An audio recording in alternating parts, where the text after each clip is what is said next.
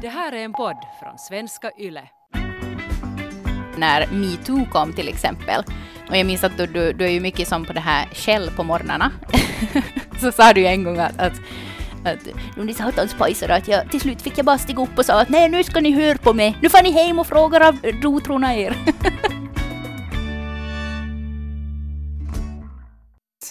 Och pappa, vill du presentera dig själv eller ska jag presentera dig? Det är nog bäst att du presenterar. Man är, man är inte på riktigt och det är på egen gårdsplan och mer nog inte. Nej, jag vet, jag sa just det åt pappa, det känns ganska kul att han för en gång skulle lite så här på mina marker. Ja. jag tycker det är modigt, det är bra. Ja. Mm. Ska vi, ska jag bara som... Du kör igång. Välkommen till veckans avsnitt och idag har vi ett specialavsnitt, ett farsdagsavsnitt. Ja, eller hur Karro? Eller hur? Ja, det skulle bli jättekul för vi har ju ingen mindre än min far med oss. Hej pappa! Hej! Välkommen! tack, tack. Vi tänkte att vi måste ha med någon erfaren far och det är du ju mm. för du har ju fem barn och tio barnbarn. Oho, det, lå det låter mycket. Pappa, du sa att jag ska presentera dig, så du är ju alltså en pensionär, men du är ju också studerande. Aha. Jag studerar på, på högskola. Du ähm, är där och snickrar och syr visst? Ja, på Kronoby folkhögskola. Och det är ju någonting som du har gått all in för här nu. Går inte typ tre olika kurser? Åtminstone. Jag, jag hade ju anmält mig till så många kurser i år så jag, jag det gick inte fysiskt att vara på alla. Ja. Så idag ska vi alltså ha lite första special och Eh, prata lite om eh, hur man kan kanske upptäcka nya sidor som se, eh, hos sig själv då man blir eh, mor eller farförälder. Och lite hur det också kan påverka barnen att ha de här extra anknytningspersonerna i sitt liv. När vi har haft i andra avsnitt så har vi ju flera gånger kommit upp det här med hur relationen till ens egna föräldrar kan förändras när man får barn. Och lite kring det just att alltså det kan bli, ja, nej men alltså hur, om man jobbar på sin relation till sina föräldrar och hur det som kan växa på något sätt och bli någonting ännu finare tycker jag själv när man får egna barn.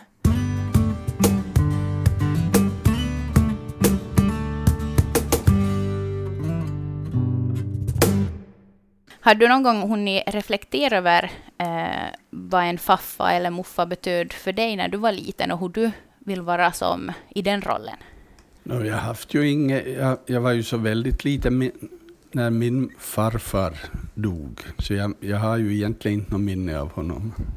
Mm. Och min, min morfar var, han dog ju han när han var väldigt ung, så han hade ju aldrig upplevt mm. Så jag har, jag, har, jag har inga relationer till, till varken far eller morfar. Mm. enda som jag har haft relation till så är ju min mormor. Ja. Mm. Var hon som en extra så här en viktig person i ditt liv eller mer någon som man får äta bullar till eller hur var det? Det var väl nog att vi for, vi for sparkan på vintern och, och äta bullar. ja. Men på somrarna så var vi mycket vid hennes sommarstuga så där, där var vi ju väldigt mycket. Mm. Men hur var det, före du, du blev morfar och farfar så hade du själv liksom hunnit fundera ut kring att lite som tänka att den dagen jag får barnbarn, att, att, att hurdan vill jag vara som morfar eller farfar, eller är det någonting som har som vuxit fram när barnbarnen har kommit, eller var det någonting som du reflekterade liksom före kring? Jag tror nog det, för de flesta så är nog att, att det där kommer nog vart efter. Ja. För det är lite svårt också att sätta ja. sig in i situationen. Ja, för det tänker jag också att när, det är ju en så, så liksom på något sätt ny situation. Vi har bara hemma pratat här med, med min egen mamma att, att det är ju som ett nytt skede i livet ja, för en själv också när ens egna barn plötsligt får barn. Ja, det är så. Och vi som mm. haft barn som, som var förhållandevis jämnåriga. Mm. Två stycken som var lite äldre och sen, sen tre stycken som var senare födda, men, men också ganska nära varandra. Så, så att det var ju lite spännande åt vem som kommer ja. att få barn först. så det visste man ju inte heller. Nej. Nej. I ett skede så var ju eh, tre av dina barn gravida. Ja. Då var det mycket barnbarn på kommand. Senaste fredagslunchen på, på folkhögskolan så satt vi lite och pratade om barnbarn och sånt. Så var det en kompis där som, som sa att hans äldre bror, då de diskuterade julbelysningar, så sa han bästa julbelysningen är när man ser baklamporna på sin, sin sons bil. Baklamporna då de var hemma alltså. ja.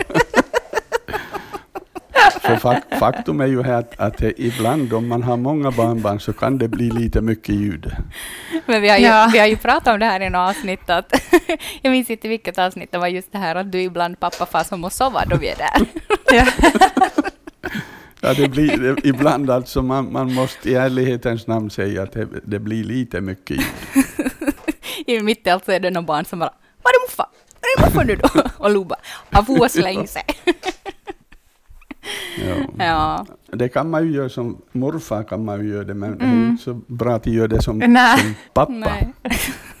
men det som jag har sådär, vad heter det, flera gånger tänkt när jag har som fått lite följa med så här er far-dotter-relation så här på, vad ska man säga, men på håll så här. Man blir helt, eller jag blir så glad när, när Karro kan berätta ibland att ja, att han kommer uppgående på morgonkaffet till oss och det, det låter som att alltså, ni har en jättefin relation idag och på något sätt det här att eh, som jag själv, jag har min egen pappa som bor i Ekenäs, så vi är som så långt ifrån varandra så här, i vardagen. Och jag tänker att det låter jättefint på det sättet som, som ni har, och det att du, ja, men att ni har som en, att i vardagen träffas, för det tror jag att är som, i många har det här att det blir att man träffas på kalas, man träffas på jul, och det blir en annan sorts relation. Mm. Men jag tänker att det låter jätte... Absolut. Jag blir alltid så här att, alltså, lycklig i hjärtat när jag hör att ni har en sån relation att du kan komma gående hem till, till Karros och dricka morgonkaffe. Och det blir ju en helt annan sorts relation. Ja, det blir kanske mer avslappnat. Ja. Ja, och, och framför allt så, så om man är så lycklig så att man har sina barn mm. ja. och nära sig, så, så, är det ju möjligt. Det är ju, det är ju väldigt många som inte vi har ju en dotter i Stockholm till exempel som, som inte vi har träffat nu sen mm. för mm. senaste jul. Och hon har mm. då en dotter som, som fyllde två år nu i, i november. Som vi ju egentligen inte, vi, vi ju inte knappt träffat henne heller. Så att det har ju ja, mycket betydelse ja, var man bor. Det är ju så. Uh, nu har ju bara din pappa dig, Rebecka, som han har ju också två småbarn, vilket ju är en rolig mm. situation, men han har ju sina barnbarn här. Uh, har din pappa uttryckt också den här uh, samma eh, nej tankar kring att ni bor så långt ifrån varandra och just den här saknaden efter barnbarnet, vilket ju jag verkligen tänker att det är oerhört stort och kanske lite motstridigt också när man har några barnbarn väldigt nära som man träffar nästan varenda dag mm. och sen att en eller flera då är på annan ort. Ja, när vi, vi så här pratar ganska öppet om saker och sådär, så kan säga att vi saknar och att de kan säga att vi sak, alltså de saknar oss och sådär. Och jag tror att det enda som jag ser liksom att har varit, om man nu ska ta alltså, det positiva ur den situationen, att vi har liksom långt ifrån mellan varandra, så kan vara det att när, när vi väl träffas, så då är det liksom att vi träffas nästan dygnet runt och man faktiskt liksom umgås och när pappa till exempel har varit här så har han som kunnat ge sin fulla uppmärksamhet till, till barnbarnen. Mm. Vet du, sådär, mm. Att man är faktiskt närvarande då. Eh, men det, det är ju samt, för mig är det ju nog samtidigt en liten sorg liksom att, att för vi har annars en väldigt nära relation och just det här att man kan fara över till varandra och man kan Hej, kommer ni på fredagsmiddag? Ska vi laga fredagsmys tillsammans? Och sådana saker liksom. Så tycker jag nog att det är en, en sorg som jag själv har fått jobba med. Att, de inte får det med mina syskon, som också är i deras egen ålder, mina barn, och sen inte med sin, med sin muffa. Mm. Mm. Men speciellt nu i de här coronatiderna, så ja. till exempel då eh, ditt barnbarnpappa i, i Sverige, Zoe, så hon är ju som ett år, hon fyller ju nu två år, men alltså det har ju varit corona nu i ett år. Mm. Så att man tänker ju kanske också ja. att det här är liksom inte egentligen det normala, men att det har ju på något sätt blivit så för att hon är så liten, så att uh, hon har ju inte levt så länge, liksom hela hennes liv nästan har ju varit bara corona. mm. Jo. Så att jo, också från och med nu att det inte liksom lämnar på det här, tänker jag. Mm. med corona. Att det är inte som lämnar på det här att man inte ska hålla på och resa. Um, liksom speciellt alltså sådana här nöjesresor kommer ju säkert att minska, men just det här med att man eh, återupptar relationen och bygger vidare på relationen eh, från hur det var innan corona. Nej, är så. Är så.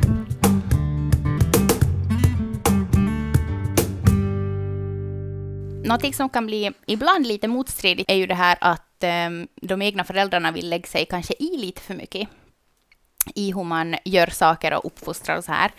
Men där så, ja, det var ju var inte typ igår eller någonting som du sa åt mamma, vad var det du sa pappa, att, att man, ska, man ska inte ge råd utan man ska... Man, ska vara, man ska vara rådgivande. Och det är ett mm. väldigt bra ord. Man behöver ju inte hela tiden blanda sig i, utan är det någon som frågar något mm. så kan man ge råd. För det känns inte alltid riktigt bra, tycker jag, att, att gå in i, i någon slags uppfostringssituation. Nej. För det är ju inte vår uppgift inte. Ja, men du har ju ändå haft eh, en slags nej men typ vilja eh, att eh, inte som uppfostra våra barn, men att kanske lite lägga dig in i hur vi tänker för att kunna stötta oss i vårt föräldraskap. Absolut, absolut. Och det där tycker jag att har varit ja. eh, jättekul på något sätt att eh, du har snappat upp sådana saker som jag har typ sagt åt barnen eller eh, och, så, och så har du frågat som med en icke-dömande ton att, att oj, eller som att varför, varför, varför säger du så där? Att, att så där har inte jag tänkt på att man kan säga. Eller så här, kan du, kan du typ utveckla, inte nu exakt i de ordalagen, men att, att du har på något sätt öppnat en dörr för mig, att jag känner att det är okej okay att eh, säga åt dig hur vi tänker kring uppfostran utan att jag blir dömd.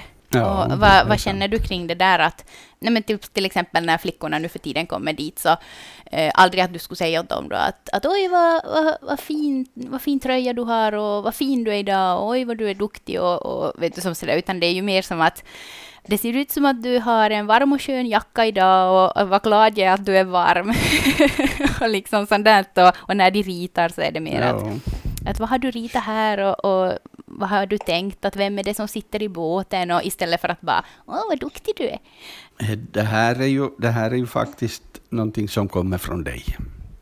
För strax ni, ni fick Lo så pratade du på ett annat sätt. Att så är det alltid det hon kommer egentligen under tidens gång har jag, har jag fattat liksom orsaken mm. varför du säger det innan.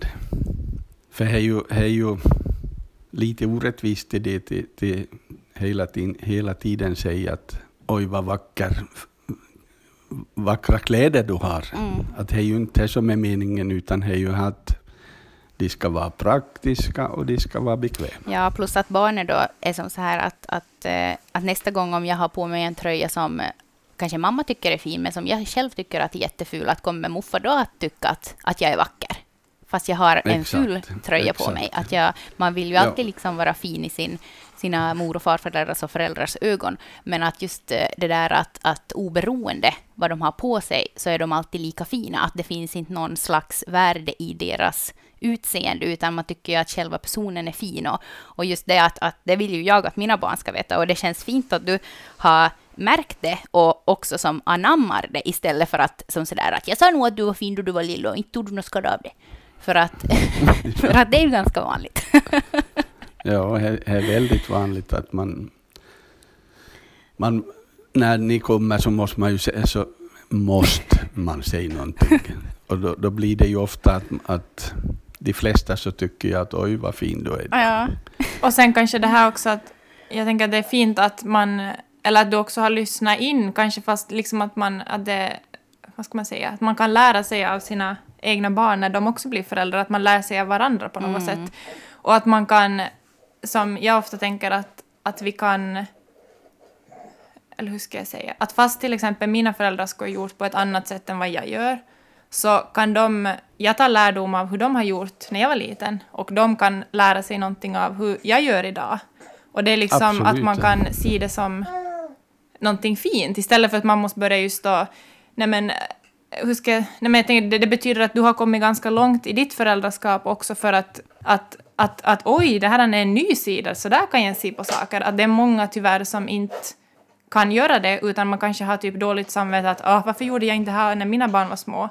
Men att man på något sätt bara kan ta det och lära sig och göra någonting fint tillsammans av det. Ja, men det är precis. jättesvårt att förklara. Ja, nej, men alltså istället för att då kanske bli eh, kränkt för att oj, varför Ja, väljer mitt barn ja. att göra på ett annat sätt än vad jag gjorde? Att tycker hon Mm. att jag gjorde på ett dåligt sätt? Och det handlar ju inte om det, utan det är ju Nej. som att allihop måste Nej. hitta sin egen väg Mm. i föräldraskapet och hur man vill göra helt enkelt. Ja, och så, ska vi, så måste vi ju komma ihåg att, att det är ju, det är ju generationsskiften och gäller allting. För tidigare när, när... Visst, jag har också bytt blöjor. Men, men om vi jämför med, med, med Robert och Linus och Conny och, och, och allihopa, Antoni Kokkola, så, så, så inte, inte är ju alls i närheten av hur jag gjorde inte. Utan när, när det började do, dofta dåligt så, så, så, så ville man nog gärna ha hjälp. Men det som jag märkt när, när ni allihopa är vid oss, så är ju, är ju när, när någon säger att jag tycker det do- doftar inte riktigt okej här nu. Så, så spelar det ingen större roll vem som stiger upp. Nej. Utan den som är närmast barnet stiger Mm. upp och, och vi ska få fixa det där. Mm. Och det händer ju inte, i, i, i min generation så var det väldigt ovanligt. Mm. Mm. Så det är ju väldigt imponerande hur, hur er generations pappor Mm. uppför sig. Ja, Det är ju, är ju, är ju, alls, är ju inte alls jämförbart. Men det där är ju någonting som vi har pratat om i podden, att, att, eh, att vissa eh, att vissa just från din generation och äldre är som så här att de liksom kanske lite berömmer papporna. Och eh, i ett skede så blev vi lite så här, vet du, som att, att att fan, att varför ska papporna få så mycket beröm? Att vi gör ju också jättemycket. Men sen så såg vi det från andra sidan, liksom att, att just en, en, en kvinna som har växt upp med, no, eller uppfostrat barn med någon som inte alls har varit eh, som en del av föräldrateamet så att säga. Så hon kanske uttrycker den här för att hon är så glad över att det har gått framåt. Och just att det är som, det är som mer jämställt och mer ehm, Ja, men att det är två föräldrar faktiskt och att det sen inte är någon skillnad vem som matar eller nattar eller så här. Exakt. Ja. För det var, det var, det var nog mera uppdelat när, när ni var små. Så var nog det här, det här jämställdheten var nog inte riktigt på samma nivå som är idag. Nej. Eh, men just i den, inom den, det ämnet så är du ju också väldigt så här att du vill eh, lära dig och prata om det och just också när metoo kom till exempel. Så då, så då var du ju väldigt att du ville komma hit och prata om det och, och liksom att uppdatera dig och, och så här. Och, eh, och jag minns att du, du, du är ju mycket som på det här Shell på morgnarna. så sa du ju en gång att, att att de satans pajsar att jag till slut fick jag bara stiga upp och sa att nej nu ska ni höra på mig. nu får ni hem och fråga av rotrorna er. och då känner man ju sig lite nej. Ja. Istället för att bara vara så här att metoo har gått för långt, det här är nog bara skit. Att ha ett öppet sinne kring allting nytt och eh, försök som lägga sig in i det innan man dissar och bara som att det där är nog bara skit. Ja, och jag tänker, Ja. det är ju det finaste att fast, fast det är någonting som man själv inte är så insatt i ännu, men att man, just som du sa, att man har ett, ett öppet sinne och är så där, kan också acceptera att oj, det här vet jag inte så där jättemycket om, att, men jag vill lära mig och jag är öppen att lyssna vad, vad andra har att berätta. Så jag tycker det är ju som den, en av den finaste egenskapen man kan ha.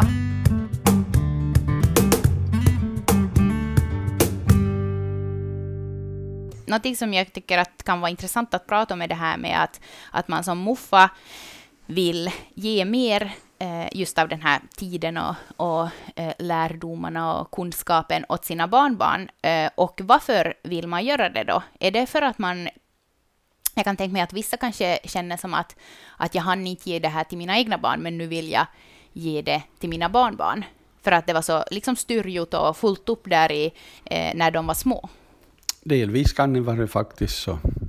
För det, det, det var ju helt naturligt så att, att i vårt fall då, där mamman var hemmafru, är ju inte riktigt kanske bra uttryckt, men hon var ju i alla fall, hon var ju hemma med er. Ja, hon var hem. Och så, så betydde ju det att, att då skulle jag ju dra in allting till familjen så att säga. Mm. Den ekonomiska sidan. Mm. Så eh, med den påföljden att man var ju väldigt mycket borta. Mm. Alltså jag kanske inte minns det där att du som, sådär, om man tänker som till exempel nu Jim och Robert, att de faktiskt som leker med barnen och de sitter och pysslar med dem och de kurragömma och sånt. Det minns jag ju inte. Men jag minns ju nog mycket det här att, att, eh, att allihop var som glad när du sen kom hem. Eh, Förutom då när, om vi skulle sova och vi inte var i säng typ och sådär. Eh, ja men lite det där som många säkert också ännu idag kan känna att, att mamman är den som lite styr och ställer och det ska vara rutiner och det ska vara si och så. Men sen när pappan kommer hem så då är det mer som kul bara. Ja, eh, jag eh, kan, faktiskt så kan jag tänka mig att det uppfattades på sånt sätt. Men sen tänker jag också att, att den där, just att man, att man har en, en, ett, en annan tid eh, när barnbarnen kommer kanske. Mm. Men sen också det att man har ju hunnit bli så pass mycket äldre också. att Jag tänker att bara det som man själv ser att jag har lärt mig på fem år som förälder, så kan jag ju bara tänka mig att sen om man någon gång får egna barnbarn, så då har man ju som man har ju varit med om så mycket mer, så man har ju också mycket andra saker på något sätt att ge åt sina barnbarn. Man har ju hunnit få så mycket mer under de åren också. Man har ju hunnit se sina egna barn växa upp och kanske reflektera kring att hur var jag, hur är jag som förälder, hur var tiden med mina barn och sådär. Så jag tänker att man har så mycket annat med sig också. Mm. Och kanske också ser små stunder och ögonblick på ett annat sätt. Ja, det kallas ju livserfarenhet, Ja. vilket ju inte en, en 20-åring har på samma sätt. Nej. Och det säger ju sig självt. Mm, ja, absolut. Så att det finns säkert en hel massa som, som mor och farföräldrar kan ge i den aspekten. Mm. Och jag tänker, där är det, där är det så synd just att, att det är många som inte, man inte har den här vardagliga kontakten. Exakt. Mm. För att det är ju då det kommer fram alla de här, Mm. just om, om det är så att man träffas mera på kalas och på jul och sådär, så då är det ju mera det där att, att man kanske bara leker och busar och skrattar och äter gott och sådär. Men jag tänker just att om man har den här vardagliga kontak- kontakten så blir det också det här att muffa för till dagis och hämta på dagis och sitter och läser kvällssaga och äter mellanmål och sånt. Och det ger ju, det ger ju på något sätt chans för, för båda liksom att få ut så mycket mera. Att kunna sträva till att jobba på en relation, att man kan ha varandra i vardagen, så är ju som ovärderligt. Och speciellt också att, att eh, sen när barnen är tonåringar, att de då eh, har sina, om, alltså de mor och farföräldrarna som ännu då förhoppningsvis är i livet, att eh, de kan få med moppen efter liksom en dag i gymnasiet och dricka kaffe med muffa. Jag tror att det är något Mm. helt annat än att fara och dricka kaffe med någon annan. Ja, Mm. absolut. Och den relationen som måste ju ha byggts upp då under åren, att det är, inte, det är väldigt svårt sen plötsligt att oj, nu, nu är jag själv nästan vuxen och nu ska jag själv försöka. Att jag tänker att man har en så stor rikedom om man har fått ha den från att man har varit liten Mm. redan. Och just direkt som ett barn kommer så är det ju på något sätt att man får sätta på sig en ny roll där man får vara Mm. mer så här känslosam och man får Ja. ta fram sin lekfulla sida. Eh, och just att, att man har kunnat ge det åt, åt sina barnbarn när de är små. Så det tror jag är jätteviktigt för just den där relationen som kommer sen när barnen blir i tonåren och man Mm. umgås med dem då, att barnen då har en vilja att umgås med sina mor och farföräldrar. För att om inte man har gjort det så då kan jag tänka mig att det blir, nej men till exempel som jag, jag har ju faktiskt min muffa ännu i livet, men att för mig har det alltid varit lite så här att jag är, alltså inte att jag var rädd för honom, men att man på något sätt hade så stor respekt att jag hade, fick Mm. aldrig se den här lekfulla sidan. Nej. Förstår ni? Att eh, det skulle vara som en, eh, ett större steg, eller ett mindre steg om man som just skulle ha fått växa upp tillsammans med, med de här äldre och eh, se alla sidor. Och sen, eh, Mm. ja, att helt enkelt ha en stark relation för att det sen ska också vara starkt i, i längden alltså. Ja, väldigt ofta så tänker jag på det när, när jag träffar mina barnbarn. Att, ja, jag brukar säga att jag hoppas att jag ska få leva så länge så man får uppleva det här.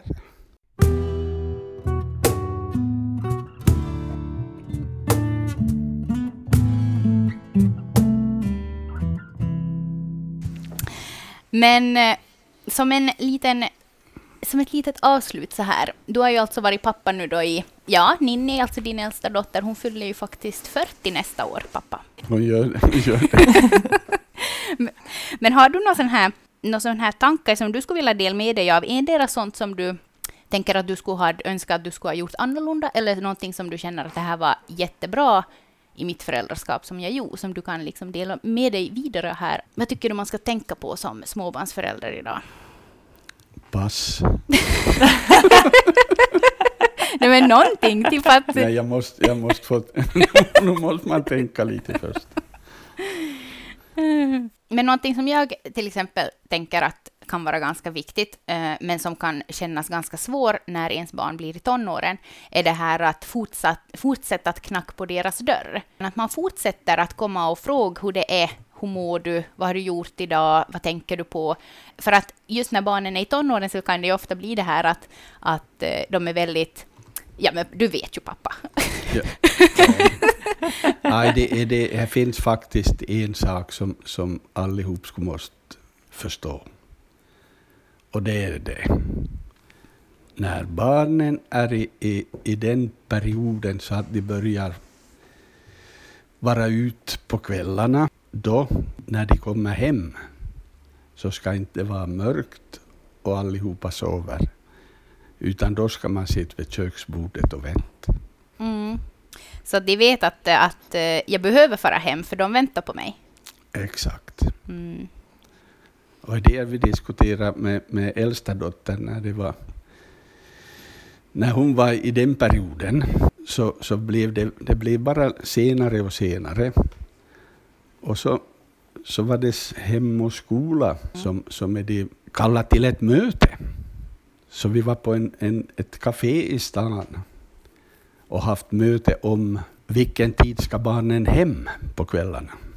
Och småningom så kom de fram till då att, att si och så, den, den tiden så ska allihopa fara hem. Okej. Okay. Så när vi kom till den, att det blev beslut om det, då så sa jag, men då är det, är ju långt. Då är det här mötet klart, att nu, nu är det här som gäller. Mm. Med den påföljden att när jag kom hem så berättade jag åt dottern att från och med nu, så jag minns inte nog vilken tid det var, men vi säger att det var klockan, vi säger för enkelhetens skull säger vi klockan tolv, mm. så går man hem. Och hon då, ja men vad är det nu för ny? Så sa jag, men allihopa, var, alla, alla föräldrar var överens om att det är det som gällde nu. Och så blev det följande helg och, och, och Ninni kommer hem lite före tolv och är arg. Så hon var ju allt röd. Så sa jag att vad är det som är fel nu? Så sa hon, det var bara jag som for hem. Så sa jag, men du gjorde ju det som vi kom överens om.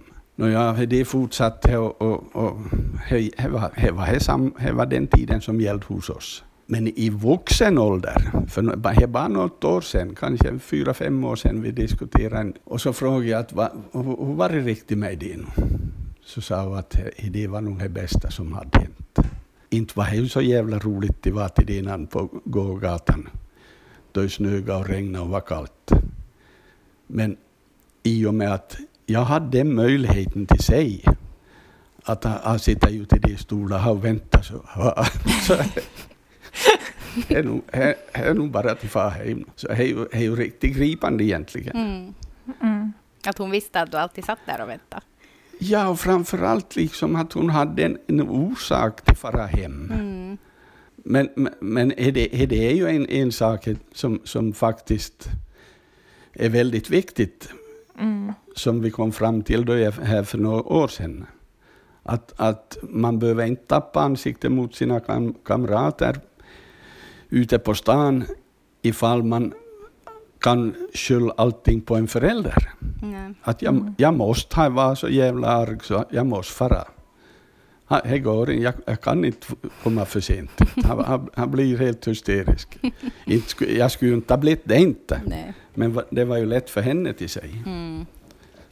Ja, men det där tror jag faktiskt att eh, är lite samma som det där att, att man måste alltid vara närvarande. Ja. Att barnen måste veta att man finns där. Eh, Absolut. Oberoende. Mm. Uh, liksom också det försöker jag också att redan nu få in i mina barn, att oberoende vad de har gjort eller vad de har Exakt. lagat sönder eller, ja. uh, eller sen i tonåren, att hur full de än är. Så de kan mm. alltid ringa. Ja. För det där hade ju också mamma att, att det här att att eh, hon satt ju där utanför Melody och väntade på oss, hon i sin vita Clio.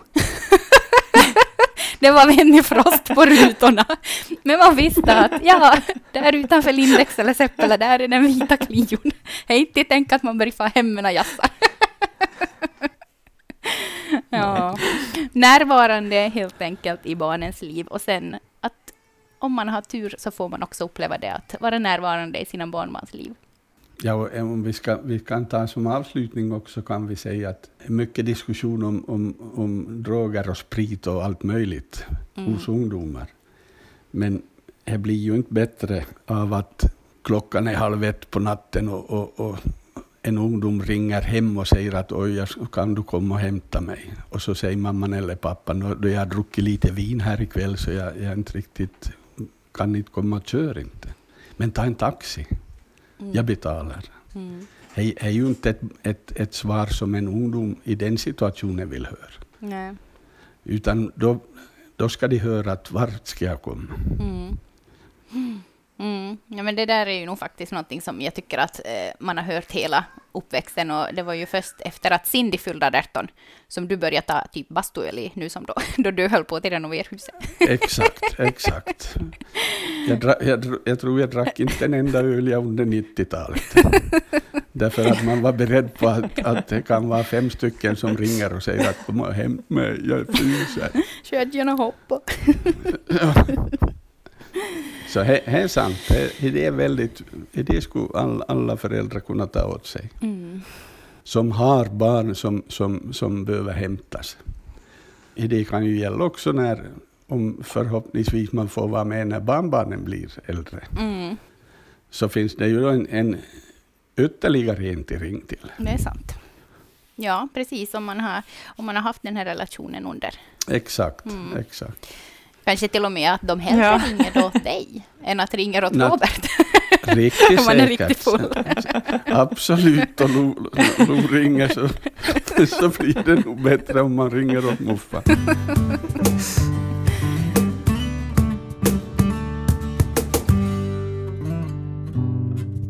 Stort tack pappa för att du ville vara med, även fast du tyckte att det kanske känns lite obekvämt i början.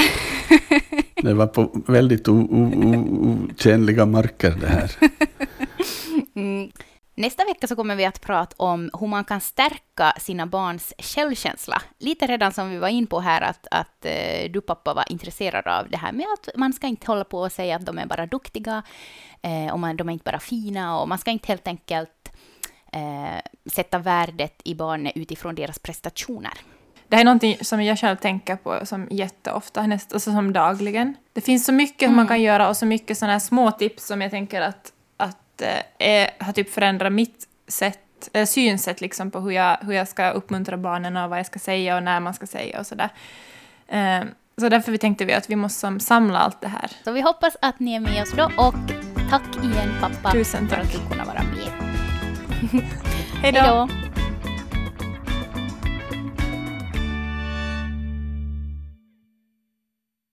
Det här är en podd från svenska YLE.